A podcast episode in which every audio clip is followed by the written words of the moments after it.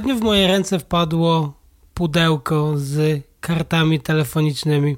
Nie wiem, kto z Was jeszcze pamięta takowy wynalazek. Kupowało się karty telefoniczne na minuty, żeby następnie móc skorzystać z nich w budce telefonicznej.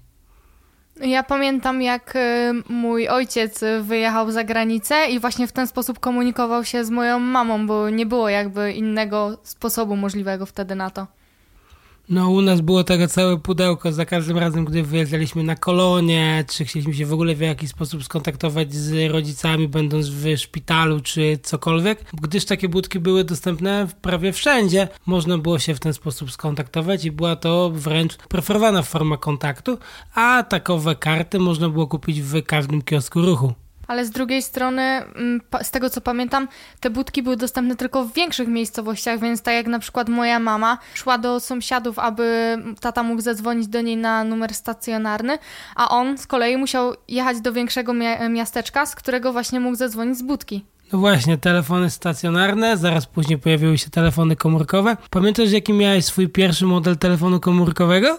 Kurczę, tego nie jestem sobie w stanie przypomnieć, ale pamiętam jak na święta y, Bożego Narodzenia siostra kupiła mi telefon, który najbardziej zapadł mi w pamięć, czyli LG Shine i on był taki właśnie, że się rozsuwało, plus jeden guzik główny od menu się obracało jakby i no to był, na...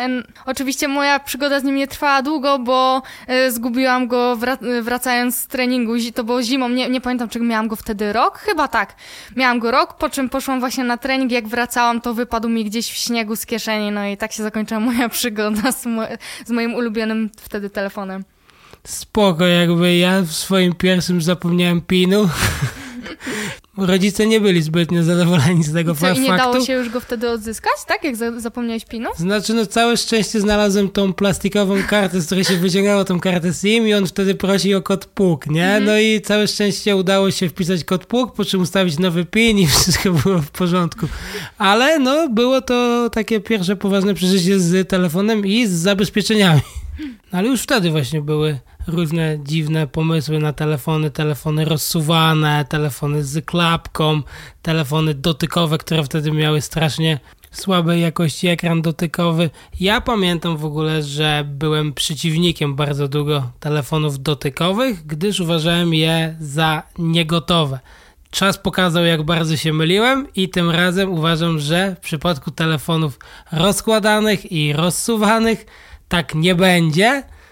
I porozmawiamy właśnie teraz o Google Pixel Fold. W sensie uważasz, że tym razem się nie pomylisz w swojej opinii?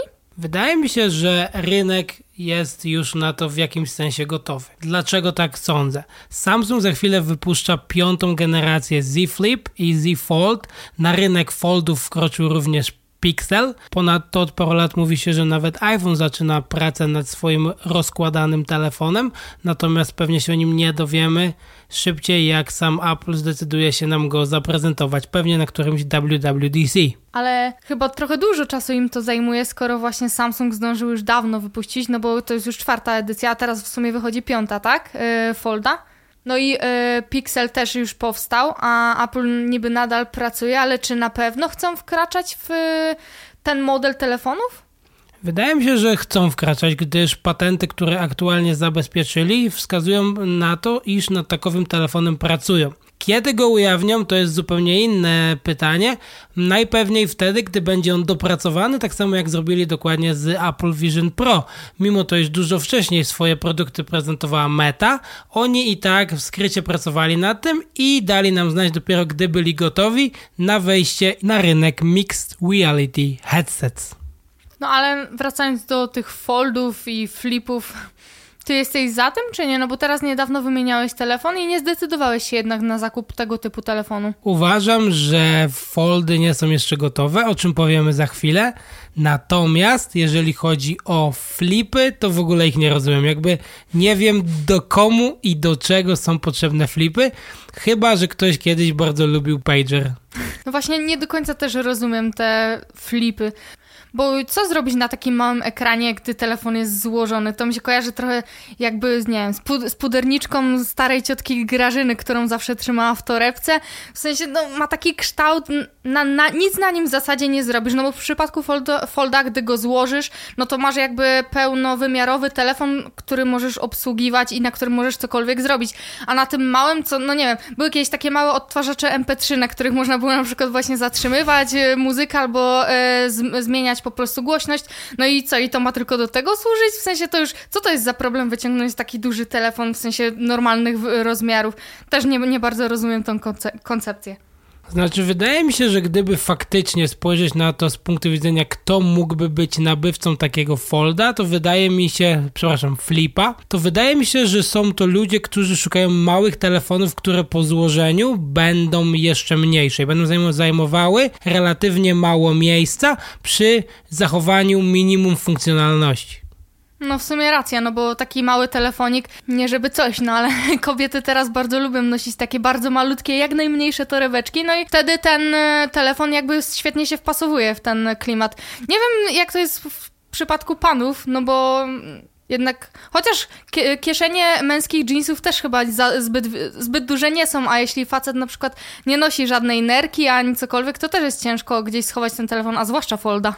No i poza tym nie zapominajmy o fakcie, że kiedy trzeba, składa się na pół. W sensie, że możesz zawsze przyszpanić. No dokładnie, to jest zawsze jakiś powód do rozmowy. Tak samo jak kiedyś ludzie mieli telefony z klapką, było wow, masz Motorola Razer z klapką, tak teraz możesz przyszpanić, że masz Z Flipa, który się składa na pół. No, ale Motorola teraz też wypuściła Razera Plus, który w zasadzie jest flipem, prawda? Czyli no, widzisz, moda dalej istnieje. No tak, trochę do tego wracamy. W sumie mm, jak wchodziły telefony z klapką, to na pewno one robiły furorę wówczas. Z tym, że właśnie na, po drugiej stronie klapki znajdował się, albo się nic nie znajdowało, albo znajdował się malutki wyświetlaczek, w którym maksymalnie, wy, który maksymalnie wyświetlał godzinę. I w sumie te flipy, jak wchodziły teraz, to też oferowały chyba tylko taką funkcjonalność. Dopiero od nie, niedawna jest e, ta opcja tego, że ten wyświetlacz robi coś więcej niż pokazuje tylko godzinę. Tak jak na przykład właśnie to, że e, widzisz na nim muzykę, czy przy, widzisz przychodzące powiadomienia. Dobra, ale zostawmy na chwilę temat flipów, bo widzę, że powodują u Ciebie dużo kontrowersji. Natomiast co z foldami? A ja bym jeszcze na chwilę wróciła do Nie no, a tak serio, ogólnie do składanych ekranów powiedzmy, no bo nie wiem, nigdy właśnie nie używałam takiego telefonu, który mu jakby skład... Gdy rozłożysz ekran, to jednak zawsze jest gdzieś tam to łączenie, mniej lub bardziej widoczne, ale myślę, że mnie by mogło to denerwować. Chodzi mi o to, może wizualnie aż tak tego nie widać, pod światło trochę bardziej, ale na pewno odczułabym to, gdybym poruszała palcem, po prostu przesuwała po tym ekranie. Jestem trochę perfekcjonistą i taka, takie zagłębienie lekkie pod palcem myślę, że by mnie denerwowało, chociaż może się mylę, no. Wydaje mi się, że nie. Wydaje mi się, żebyś się do tego normalnie przyzwyczaiła. Powiem ci dlaczego. Dlatego, że nie poruszasz palcem w tym miejscu, gdzie masz łączenie. Poruszasz palcem tam, gdzie tego łączenia nie ma i tylko wtedy, gdyby do niego dołączony był rysik, jak na przykład jest dołączony do Galaxy Z Folda, to w momencie, w którym byś rysowała po tej powierzchni, na pewno byłoby to problematyczne. W Foldzie może i tak, ale z drugiej strony w Flipie jeśli będę przesuwać coś, na przykład oglądając TikToka, to jednak poruszam tym palcem przez cały, prawie cały ekran w górę i w dół. Chociaż może się mylę, może korzystam tylko bardziej z jednej części, a wcale nie przesuwam tym palcem przez sam środek. No właśnie to, że nie, jakby nie operowałam na takim telefonie, ciężko jest mi powiedzieć, czy to by mi faktycznie przeszkadzało, czy może jest tylko takie moje wrażenie. Myślę, że jest to kwestia przyzwyczajenia. Ale wróćmy do Google Pixel Fold, którego w tym tygodniu pełną recenzję zaprezentował nam MKBHD oraz The Verge. Zacznijmy od suchych statystyk. Telefon posiada 12 GB RAMu oraz chip Tensor G2, reklamowany przez samo Google jako najlepszy chip do machine learningu, co sprawia, że sam telefon działa płynnie i nie ma problemów z żadnymi aplikacjami. Teraz pytanie do Ciebie, jak myślisz, 12 GB RAMu to dużo czy mało? Szczerze, no nie bardzo mam na ten temat jakiekolwiek pojęcie. W ogóle, jak powiedziałeś o samym procesorze, to ja tak. What? Co to, co to właściwie dla nas oznacza? No to tak celem porównania. Co prawda Apple nie podaje oficjalnie ile dokładnie pamięci RAM mają ich telefony, ale dzięki uprzejmości Mac Rumors wiemy, że najnowsze iPhony wszystkie posiadają 6 GB RAMu. A czemu tak? Ano dlatego, że Android jest dużo cięższym systemem operacyjnym i przy takiej lub nawet porównywalnej ilości RAMu co iPhone mógłby wypadać w niektórych taskach dużo gorzej. Ale iPhone nie jest jego bezpośrednim konkurentem. Aktualnie jego bezpośrednim konkurentem jest Samsung Galaxy Z Fold czwartej generacji. Oczywiście za niedługo wyjdzie piąta generacja, ale na razie skupmy się na tym, co wiemy. Teoretycznie Google Pixel jest mniejszy, ale za to jest na pewno 20 gramów cięższy i może nie wydawać się to wcale tak dużo, ale recenzenci mówią, że przy dłuższym użytkowaniu odczuwa się tą różnicę i zdecydowanie wygodniej jest korzystać z niego, gdy jest on otwarty i trzyma się go w obu dłoniach, niż właśnie gdy się posługujemy e, przy zamkniętym e, foldzie i, przez, i używamy go za pomocą jednej dłoni, bo wtedy najbardziej y, jest odczuwalna ta różnica właśnie w wadze. Co więcej, potwierdzone info, telefonu nie da się otworzyć jedną ręką. Tak, dokładnie. Było to widać na filmiku MK MKBHD, e, gdzie właśnie próbował on wielokrotnie otworzyć telefon jedną ręką i mówmy się, jest to męska dłoń, więc jest większa i a mimo to nie mógł otworzyć tego telefonu, więc myślę, że mogę za założyć, że żadna kobieta nie byłaby w stanie po poradzić sobie również z tym zadaniem. No nie wiem czy żadna, ale na pewno otwieranie telefonu jedną ręką do najłatwiejszych zadań nie należy. Ponadto Google Pixel Fold posiada 5 obiektywów, z czego główny ma 48 megapikseli, obiektyw szerokokątny, który ma 10,8 megapiksela, 10,8 megapiksela ma również telekamera oraz dwie kamery z przodu odpowiednio o rozdzielczości 9,5 oraz 8 megapiksela ale pod względem wizualnym Google chyba rozwiązało to troszeczkę gorzej niż Samsung, bo aparaty te wystają jakby po, dosyć znacząco ponad obrys telefonu.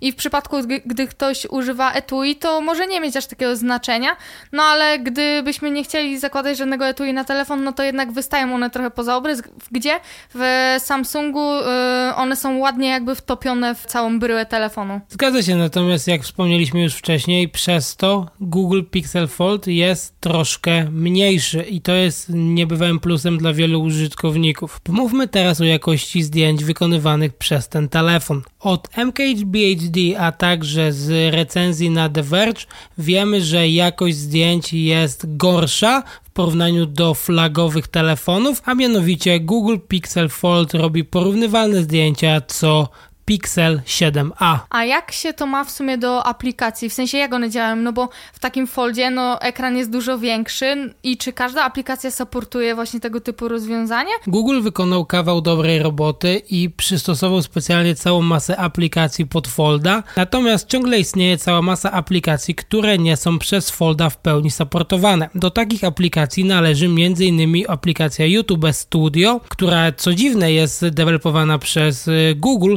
Dziw dziwne, dlatego iż nie supportuje ona pełnej rozdzielczości piksela i po otwarciu wygląda tak samo jak aplikacja Instagram na iPadzie, czyli mamy na środku kawałek aplikacji, a po prawej i lewej stronie czarne paski psujące całą estetykę produktu. Na pewno po aktualizacjach ta aplikacja będzie wyglądać dużo lepiej, ale póki co jest jak jest. No na pewno nie wygląda to najlepiej, no ale jest to w sumie pierwszy mm, fold od Google, więc myślę, że właśnie następne, które wyjdą już rozwiążą te problem, a jeśli nie telefonem, no to chociażby właśnie ta aktualizacja. No bo szkoda jest tracić potencjał takiego ekranu, ale w zasadzie to po czyjej stronie bardziej leży to, aby te aplikacje ładnie wyglądały na tym telefonie po stronie Google, który tworzy ten telefon, czy po stronie właśnie tych aplikacji, no bo nie tylko małe aplikacje mają z tym problem, ale właśnie takie wielkie aplikacje jak Instagram należące do mety yy, właśnie nieładnie się otwierają na, na tym telefonie. To, czy aplikacje będą wyglądały dobrze, czy też nie, zależy w dużej mierze od dewelopera aplikacji. I teraz znowu, jeśli te telefony będą coraz bardziej powszechne i coraz więcej ludzi będzie korzystało z tego typu telefonów, to wtedy deweloperzy aplikacji na pewno przystosują je pod te telefony. Ale póki co są to telefony niszowe i tak samo jak wiele gier tworzonych nawet przez polskie studia nie ma polskiego dubbingu, tak samo aktualnie wiele aplikacji nie wspiera pełnej funkcjonalności Google Pixel Folda. Czyli standardowo, jak nie wiadomo o co chodzi, to chodzi o pieniądze dla deweloperów w tym akurat przypadku. Niebywałym plusem Google Pixel Folda i w ogóle firmy Google jest sam fakt, iż będziemy otrzymywać security updates przez następne 5 lat. Jest to chyba ważny temat, zwłaszcza pod, y, w kwestii bezpieczeństwa i prywatności, tak? Zgadza się, jest to ważny temat w kwestii bezpieczeństwa. Nie ma to natomiast nic wspólnego z prywatnością. Natomiast w momencie, w którym na pewno przez ten okres będą jakieś bugi w oprogramowaniu, to mamy pewność, że zostaną one załatane, a co więcej, że w ogóle dostaniemy poprawkę od Google, co powinno być dla nas niebywale istotne przy zakupie takiego telefonu, gdyż co roku wychodzi cała masa luk w zabezpieczeniach, które możemy załatać tylko przez takie poprawki. A skoro już o poprawkach bezpieczeństwa mowa, ja ciągle i nieustannie czekam na to, aż w końcu producenci telewizorów również zrobią dokładnie to samo, co producenci smartfonów w kwestii bezpieczeństwa ich produktów. Cały czas czekam, aż będziemy mieli takie same gwarancje, że dany telewizor, który dzisiaj coraz częściej jest smart i również łączy się z internetem, również posiada system Android TV lub inny, będzie posiadał takowe gwarancje, że przez określony czas będzie można na niego dostać łatki, które będzie wypuszczał producent. A jak myślisz, dlaczego tak jest właśnie w kwestii telewizorów? Przecież telewizora nie wymieniamy co roku, co na przykład się dzieje w przypadku telefonów. No i one wyjściowo kosztują zazwyczaj dużo więcej niż taki telefon. I właśnie przez to, że go nie wymieniamy, a nie dostajemy jakby w ogóle żadnych aktualizacji na niego. Dlaczego tak się dzieje? Wydaje mi się, że chodzi tutaj o dwie rzeczy. Pierwsza to regulacja prawna, że twórcy są zobowiązani w przypadku smartfonów takie łatki wypuszczać. W przypadku telewizorów nie ma czegoś takiego. Po drugie, pewnie jak zwykle chodzi o pieniądze. Jeżeli mają być tworzone takie łatki na bieżąco, to potrzebujemy całego teamu deweloperów, który będzie te łatki pisał i będzie je rolował do użytkowników. Czyli jednym słowem, jeśli właśnie kupujemy telefon co roku, to im się bardziej opłaca trzymać w ogóle taki dział deweloperów, którzy, który się tym zajmuje, niż na przykład w przypadku telewizorów, które kupujemy raz nawet na 10 czy więcej lat. No tak, ale na przykład zobaczmy, że Apple już teraz robi, ma swoją przystawkę Apple TV i ona jest y, konsekwentnie cały czas wspierana i w momencie, w którym dostają aktualizacje iOS, WatchOS, to również tvOS dostaje cały czas takowe aktualizacje, co jest dużo wygodniejsze, bezpieczeństwo urządzeń wzrasta, a my możemy z nich dłużej korzystać. Czy myślisz, że w takim razie telewizory smart przestają mieć jakiekolwiek znaczenie i lepiej będzie kupić zwykły telewizor plus do tego właśnie e, przystawkę typu Apple TV, bądź właśnie coś, co oferuje Xiaomi, czyli tego Mi Boxa? Punktu widzenia bezpieczeństwa na pewno lepiej będzie aktualnie kupić taką przystawkę, zwłaszcza od firmy Apple, gdyż mamy dzięki temu gwarancję, że będzie ona wspierana przez najbliższe lata. W przypadku telewizora takiej gwarancji nie posiadamy i dopóki to się nie zmieni, ja będę oficjalnie rekomendował kupno takowych przystawek. Natomiast czy same telewizory smart umrą, umrą? Wydaje mi się, że nie, bo ludzie są nimi dalej zainteresowani i tylko telewizory same zintegrowane z systemem operacyjnym będą nam zapewniały najlepszą jakość obrazu. Ale wracając jeszcze do Google Pixela. Oczywiście w Polsce nie kupimy go z oficjalnej dystrybucji Google, gdyż Google takich produktów w Polsce nie sprzedaje. Możemy go kupić na przykład na Amazonie lub innych tego typu serwisach. Natomiast musimy się liczyć z tym, że jest parę problemów, z którymi będziemy musieli się zmierzyć. Po pierwsze, sam Google Pixel Fold obsługuje 5G, natomiast w Polsce żaden operator nie obsługuje 5G dla Google Pixel Folda. Co to w praktyce oznacza? Że nasze dane będą przesyłane maksymalnie za pomocą 4G. To czy w takim razie jest sens w ogóle kupować ten telefon w Polsce? Bardzo dobre pytanie. Otóż tak, przede wszystkim dlatego, że możemy go zrutować i posiadać pełną kontrolę nad swoim urządzeniem, co Google oficjalnie supportuje, przynajmniej na razie. Co to w praktyce oznacza? Ano to, że możemy zainstalować każdy inny customowy ROM, taki jak na przykład Graphene OS, jeśli chcemy, aby nasze urządzenie było bezpieczne i odłączone od masowych serwisów takich jak Google czy Facebook. Co prawda w momencie, w którym to nagrywamy na oficjalnej stronie GrafinoS, Google Pixel Fold nie znajduje się w sekcji w pełni wspieranych urządzeń, ale być może się to zmieni, gdyż znajdują się tam wszystkie inne pikselowe urządzenia, łącznie z pikselowym tabletem, który również zadebiutował w tym roku. Czyli możemy usunąć jakby system, który się tam znajduje i wgrać tam kompletnie nowy, taki jaki chcemy? I tak, i nie, bo nie do końca jest to system taki, jaki chcemy, bo na przykład, nie wiem, Ubuntu na ten system wgrać nie możemy,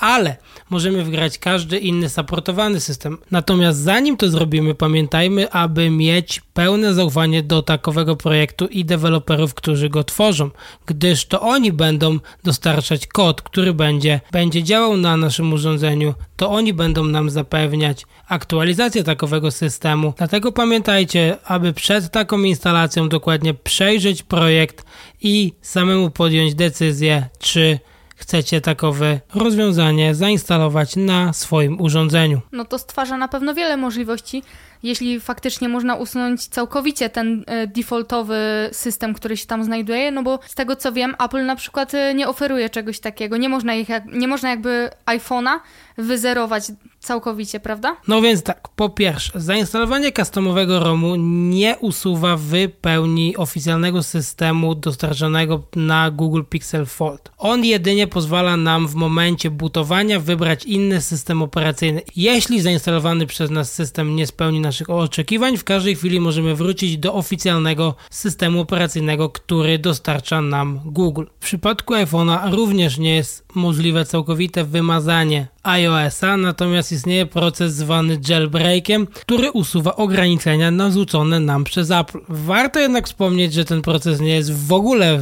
supportowany przez Apple, więc robicie to na własną odpowiedzialność. Kurczę, brzmi to dość poważnie i ja na pewno bym się tego nie podjęła. A wracając jeszcze do Google Pixel Folda. Kupiłabyś takowego, czy nie? Jeśli pytasz mnie na dzień dzisiejszy, to myślę, że nie, bo wiele aplikacji właśnie nie działa tak, jakbyśmy chcieli i na pewno by mnie to w jakiś sposób denerwowało, ale w przyszłości, gdybym miała na przykład kupować osobno telefon i osobno tablet, którego używam na co dzień, to jest to jakieś rozwiązanie. Na pewno nie do, mm, do wszystkiego, no bo wiadomo, jakiś grafik na tym raczej nie będziemy tworzyć, będzie ciężko, po prostu nadal jest ten e, jakby ekran za mały do tego. Ale na przykład jeśli chodzi o flipa, to moje zdanie brzmi kategoryczne no. A ty kupiłbyś folda albo flipa? Folda nie kupiłbym dlatego, że jest to dopiero pierwsza generacja tego produktu i posiada problemy wieku dziecięcego. Natomiast każdemu, kto akceptuje tego typu problemy i ograniczenia, z jakimi musi się mierzyć w Polsce, polecałbym ten produkt. Ja sam z niecierpliwością czekam na drugą wersję tego produktu. A flipa nie kupiłbym dlatego, bo nie mam dla niego zastosowania. A teraz zapraszamy na krótką przerwę i słyszymy się za chwilę.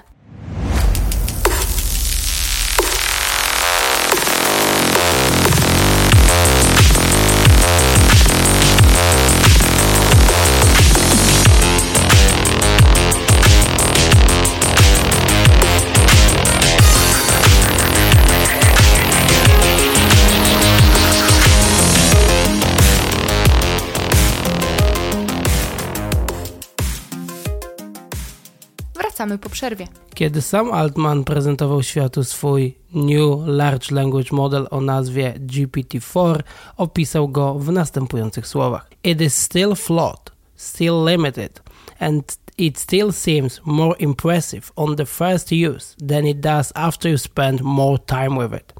I czy nie masz trochę wrażenia, że dokładnie jest tak, jak on mówił? No, ja zdecydowanie mam takie zdanie właśnie, że w pierwszym użyciu mówisz sobie, o wow, to jest coś nowego, jest to ciekawe, interesujące, ale gdy zadajesz coraz więcej zapytań i widzisz, że on ciągle odpowiada jakby w e, jedyny znany mu sposób, niby daje ci wiele tekstu, ale mam wątpliwości co do tego, czy te informacje, które mi zwraca, są e, prawdziwe. No i dokładnie, poprawnie jeśli się mylę, ale wydaje mi się, że aktualnie te duże modele językowe są dobre tylko w przypadku, gdy potrzebujemy jakiegoś szkicu. No dokładnie. To, mm, ta wypowiedź jego sprawdza się właśnie wtedy tylko, gdy chcemy jakby mieć jakiś punkt zaczepienia. On nam daje ten podstawowy właśnie wzór, ale i tak wszystkie informacje, które on nam poda, musimy sprawdzić, czy aby na pewno nie są przekłamane.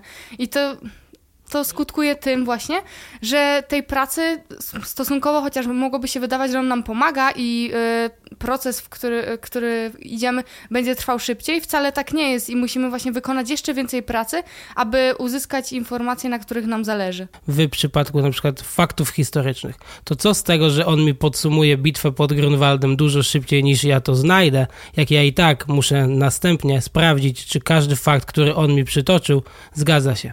No dokładnie. I jeszcze problemem jest to, gdzie teraz szukać tych prawdziwych informacji, no bo jakby cały internet jest teraz zasypany tymi fałszywymi właśnie informacjami, które generuje właśnie sztuczna inteligencja.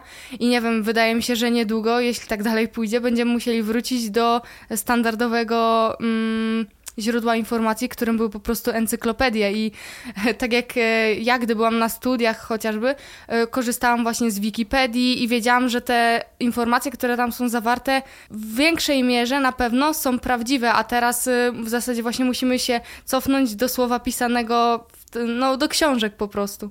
W mojej opinii to nie chodzi tyle o to, czy te dane są fałszywe, tylko o to, że są po prostu słabej jakości. Wiemy o tym i widzimy to cały czas, że tak jak wspomnieliśmy już wcześniej, ChatGPT nadaje się tylko wtedy, gdy chcemy na przykład się czymś zainspirować, bo jeśli nie zrobimy poważnego due diligence, tak jak jeden prawnik w Stanach Zjednoczonych, to możemy się bardzo zdziwić, że pewna sprawa nie istnieje. I tak samo nie możemy być pewni, gdy on udzieli nam jakiejś informacji, to nic nie da to, że zapytamy się go, ej, ale czy ta informacja na pewno jest prawdziwa? To on oczywiście odpowie nam, tak, jak najbardziej, te, te wszystkie informacje, które podałem są zgodne z stanem rzeczywistym. I ale wiemy, że tak nie jest.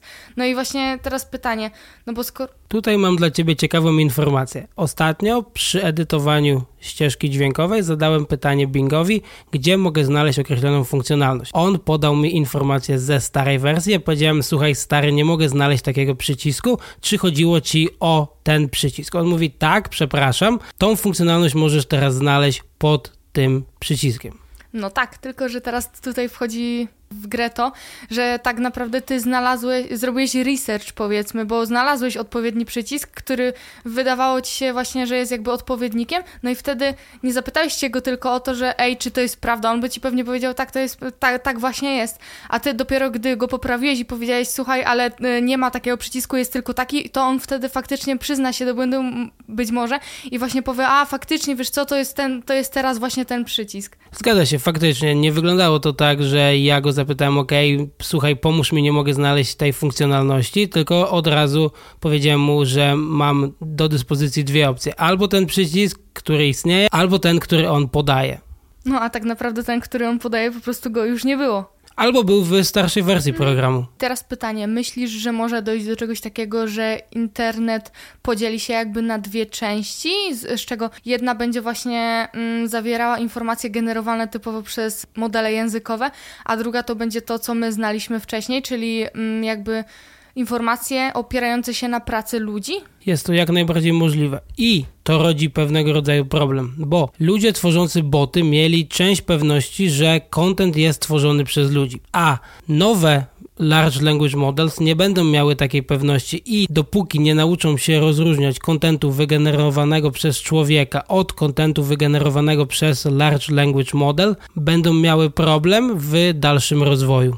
Ja myślę, że sporo by ułatwiły takie oznaczenia właśnie typu, że ten tekst został wygenerowany przez e, AI. On opiera się na tekstach, które kiedyś pisali ludzie, ale jakby przekształca trochę te informacje i właśnie je może zakłamywać, e, robić tą tak zwaną halucynację wówczas. I myślę, że to oznaczanie pomogłoby nie tylko użytkownikom, ale też samemu, samemu AI, no bo jak AI ma się uczyć na modelach, który, na modelach, na wypowiedziach, które sam stworzył? Przecież to chyba nie bardzo ma sens. Istnieje projekt o nazwie The Coalition of Content Provenance and Authority. Ponadto sam Google oraz Microsoft twierdzi, że w przypadku generowania obrazów będą one podpisywane celem łatwiejszego ustalenia, czy zostały wygenerowane przez Large Language Model, czy też nie. Jak to działa? No działa to trochę na takiej samej zasadzie jak znak wodny. I teraz pytanie, czy da się je usunąć tak prosto, jak usunąć metadane ze zdjęcia? No ale to w przypadku obrazów i zdjęć. W przypadku tekstu Large Language Model może nas ewentualnie poinformować skąd taką informację zaczerpnął. A sam tekst generowany przez AI często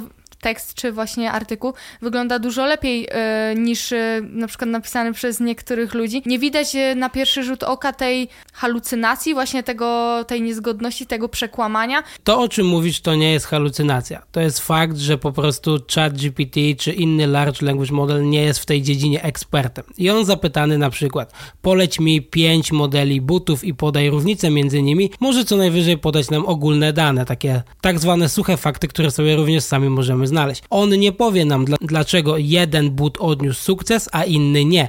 On nie powie nam, jakie są różnice, a w przypadku na przykład, gdy sami chcemy wejść na rynek butów, nie powie nam, na co powinniśmy zwrócić uwagę. I tobie pewnie chodzi dokładnie o to. No dokładnie o to mi chodziło, tylko nie potrafiłam tego tak ubrać w słowa. Jeśli chodzi o to, jak AI generuje teksty i o to właśnie, jak one wyglądają, że wyglądają bardzo dobrze, to tak samo jak e, AI zaczęło wchodzić na, na rynek, powiedzmy, to Stack Overflow, a raczej jego moderatorzy e, zablokowali właśnie możliwość e, AI, dostęp AI do, do ich platformy, aby właśnie ta nie szerzyła dezinformacji, bo ciężko było im zweryfikować, czy mm, informacje, które podają są prawi- prawdziwe, czy nie.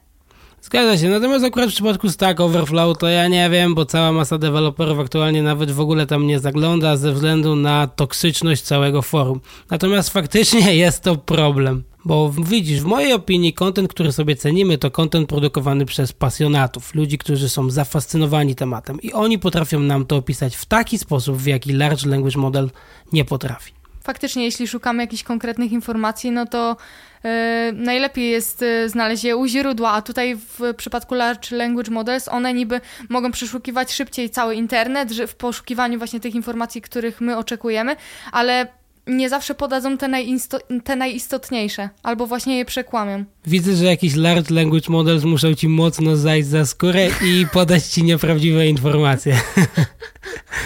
Do czego ty w ogóle byś używała large language models dzisiaj? Dobre pytanie, bo właśnie wychodzi na to, że jakby każdej informacji, której bym chciała uzyskać, obawiałabym się i tak, że będzie ona przekłamana i lepiej może od razu właśnie szukać e, informacji gdzie indziej. Myślisz, że to, co mówiłam na początku, że internet może się podzielić na ten stworzony przez AI i stworzony przez ludzi. Myślisz, że e, ten stworzony przez ludzi stanie się płatny ze względu właśnie na to, że oferuje prawdziwe i rzeczywiste dane, a tamten będzie się zapętlał, aż w końcu jakby zacznie zjadać swój własny ogon i w końcu jak jakby umrze? Ja bym go tak szybko egzystencji nie pozbawiał. Co więcej, zastanowiłbym się nad faktem, czy takowy internet generowany przez ludzi miałby sens. W sensie, czy ci ludzie faktycznie generowaliby dużo lepszy content i jeśli tak, to pewnie stałby za tym jakiś paywall. Same firmy byłyby pewnie tym faktem zachwycone, bo to kolejna możliwość do zgarnięcia za to pieniędzy. Natomiast teraz mam pytanie do ciebie. Czy ty byś korzystała z takiego internetu? I kolejne pytanie, ile by trzeba było za niego zapłacić, żebyś się zgodziła taką cenę zapłacić? No właśnie, to jest to. Jakby ciężko jest to wycenić. Ciężko w ogóle jest wycenić wiedzę, no ale jeśli będę poszukiwać jakichś informacji pewnych, precyzyjnych, jestem w stanie zapłacić za to jakąś kwotę. Nie jestem właśnie w stanie powiedzieć dokładnie ile, no ale na przykład. 50 zł za miesiąc. No myślę, że to jest do przełknięcia. Jeśli, jeśli niektórzy ludzie płacą za Netflixa dużo więcej, nie wiem jaka jest teraz dokładnie cena, bo, na przykład bo za Netflixa tyle nie płacę, bo według mnie jest to za duża, za wysoka cena za rozrywkę, zwłaszcza gdy nie, nie oglądam seriali ani filmów jakby taki cały czas tych samych, tylko szukam konkretnych y, i nie zadowala mnie byle jaki content. No widzisz, no i dokładnie to jest to, o czym mówiliśmy wcześniej. AI również jest w stanie produkować seriale czy filmy. Te seriale dalej filmy są dużo gorsze niż te wyprodukowane przez człowieka. Myślę, że dla mnie najlepszym podsumowaniem tego tematu AI, który dzisiaj poruszaliśmy, jest podsumowanie, którego autorem jest e, James Vincent, czyli e, reporter z The Verge i on ujął to tak, że zasadniczo jest to bitwa o informacje, o to, kto je tworzy, w jaki sposób uzyskuje do nich dostęp i kto otrzymuje zapłatę. Ale to, że walka jest znana, że nie ma znaczenia, ani nie gwarantuje, że system, który nastąpi, będzie lepszy niż ten, który mamy teraz. Nowa sieć walczy o narodziny, a decyzje, które podejmujemy teraz, będą miały wpływ na jej, na jej rozwój. Ja natomiast obawiam się faktu, że ludzie, którzy będą chcieli znaleźć good quality content, będą musieli się dużo bardziej postarać i będą naprawdę musieli dużo, dużo pogrzebać w wyszukiwarkach, aby takowy content znaleźć. A teraz zapraszamy na przerwę, po której nastąpi runda podsumowująca.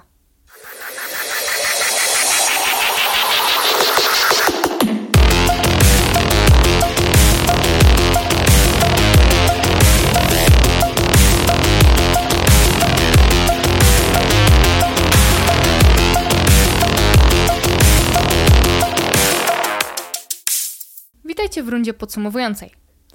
W nowym zwiastunie CD Projekt Red podzielił się z nami nowymi szczegółami na temat Cyberpunk 2077, a dokładnie mówił o dodatku Phantom Liberty. Rozszerzenie przeniesie graczy do Dogtown, na nowej lokalizacji Night City, aby uratować prezydenta nowych Stanów Zjednoczonych. CD Projekt Red ujawniło nowe spojrzenie na nową postać Idrisa Elby. Ale nie martwcie się, Keanu Reeves również się tam po pojawi.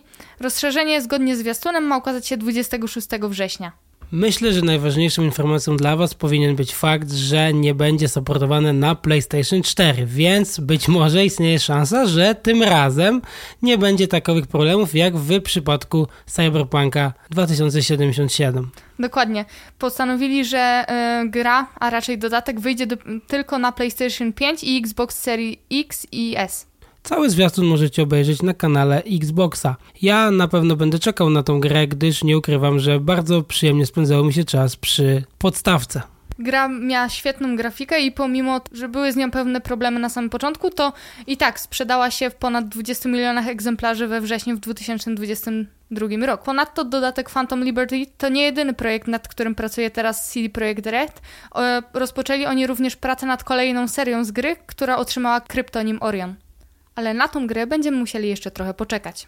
Z wewnętrznej prezentacji Microsoftu poznaliśmy jego plany odnośnie Windowsa 11 i są one następujące. Microsoft chce przenieść Windowsa 11 do chmury w, w, całości. Cały projekt jest już dostępny dla klientów biznesowych, natomiast Microsoft myśli nad użytkownikami indywidualnymi. I tak wiem, że spora część z Was dalej nie może wybaczyć Microsoftowi faktu, że preferuje on logowanie się przez konto w chmurze, i mimo to, iż spora grupa odbiorców dalej preferuje konta lokalne. Microsoft ma oferować nową funkcjonalność o nazwie Windows 365 Boot, która po butowaniu systemu operacyjnego ma nas logować bezpośrednio do komputera w chmurze zamiast do instancji lokalnej. Dzięki funkcjonalności Windows 365 Switch będziemy mieli możliwość łatwego przełączania się pomiędzy instancją w chmurze a instancją lokalną poprzez wirtualne pulpity. Porozmawiamy teraz o plusach i o minusach takiego rozwiązania. Z mojej perspektywy niebywałym plusem jest fakt, że konfigurujemy Windowsa raz i nie musimy się martwić o to za każdym razem, gdy kupujemy nowy sprzęt. No tak, no bo wtedy wszystko jest właśnie w chmurze i po prostu pobieramy to na swój nowy sprzęt, tak? Zgadza się, natomiast jest to również największy minus. W momencie, w którym coś zainstaluje się nie tak, no to dalej preferowanym rozwiązaniem jest zrobienie formatu dysku i zainstalowanie systemu na nowo, co czasami naprawia problem. Jak to będzie rozwiązane w chmurze? Czy będziemy mieli taką możliwość, aby takową instancję uruchomić od nowa w przypadku wystąpienia potencjalnych problemów? To się okaże. Natomiast ciekawszym wątkiem jest fakt, że mimo to, iż mamy rok 2023, to jednak prędkość internetu na świecie jest różna. I co w przypadku, gdy ktoś mieszka na wsi na przykład i dalej jego głównym źródłem internetu jest internet radiowy? Czy wtedy mm, nie może on korzystać ze swojego komputera? Microsoft ma dwie opcje, jak to rozwiązać. Albo dane będą się synchronizowały za każdym razem, gdy połączenie wróci, no ale wtedy jakby nie wiemy, jaki jest stan hmm. aktualnie, albo po prostu będzie próbował wznowić połączenie, aż nie uzyska połączenia z serwerem. Co może na dłuższą metę wydawać się bardzo kłopotliwe. Kolejnym kluczowym aspektem jest tutaj cena, gdyż w przypadku klientów biznesowych ceny potrafią być momentami horrendalnie wysokie. A co za tym idzie, jaką dokładną specyfikację otrzymamy po stronie serwera za takowe pieniądze, gdyż będzie to związane z płynnością działania naszego systemu. Myślisz, że Microsoft da w, nam jakikolwiek wybór w tej kwestii, w wyboru serwera? Na pewno myślę, że będziemy mogli się zadecydować po pierwsze, czy nasze dane będą przechowywane na osobnym, dedykowanym serwerze, oczywiście za dodatkową opłatą, oraz to, jakie podzespoły mają wspierać nasz system w chmurze, również pewnie znowu za dodatkową opłatą. Jedno jest pewne, jeśli Microsoft przeniesie się całkowicie na wersję chmurową, ja nadal będę siedział wygodnie na swojej ulubionej dystrybucji Linuxa. To już wszystko. Już teraz zapraszamy Was na kolejny odcinek, który ukazał się w poniedziałek. Dziękujemy, że byliście z nami do końca. Jeśli subskrybujesz już ten podcast, to mamy dla Ciebie Google Pixel Folda z oficjalnej dystrybucji Google, a jeśli nie, to musisz się zadowolić swoim aktualnym smartfonem. Dajcie nam znać, czy przerzucilibyście się na Folda lub Flipa i który model byście wybrali. Czekamy na Wasze maile pod adresem feedback małpa technozercy.xyz. Do usłyszenia!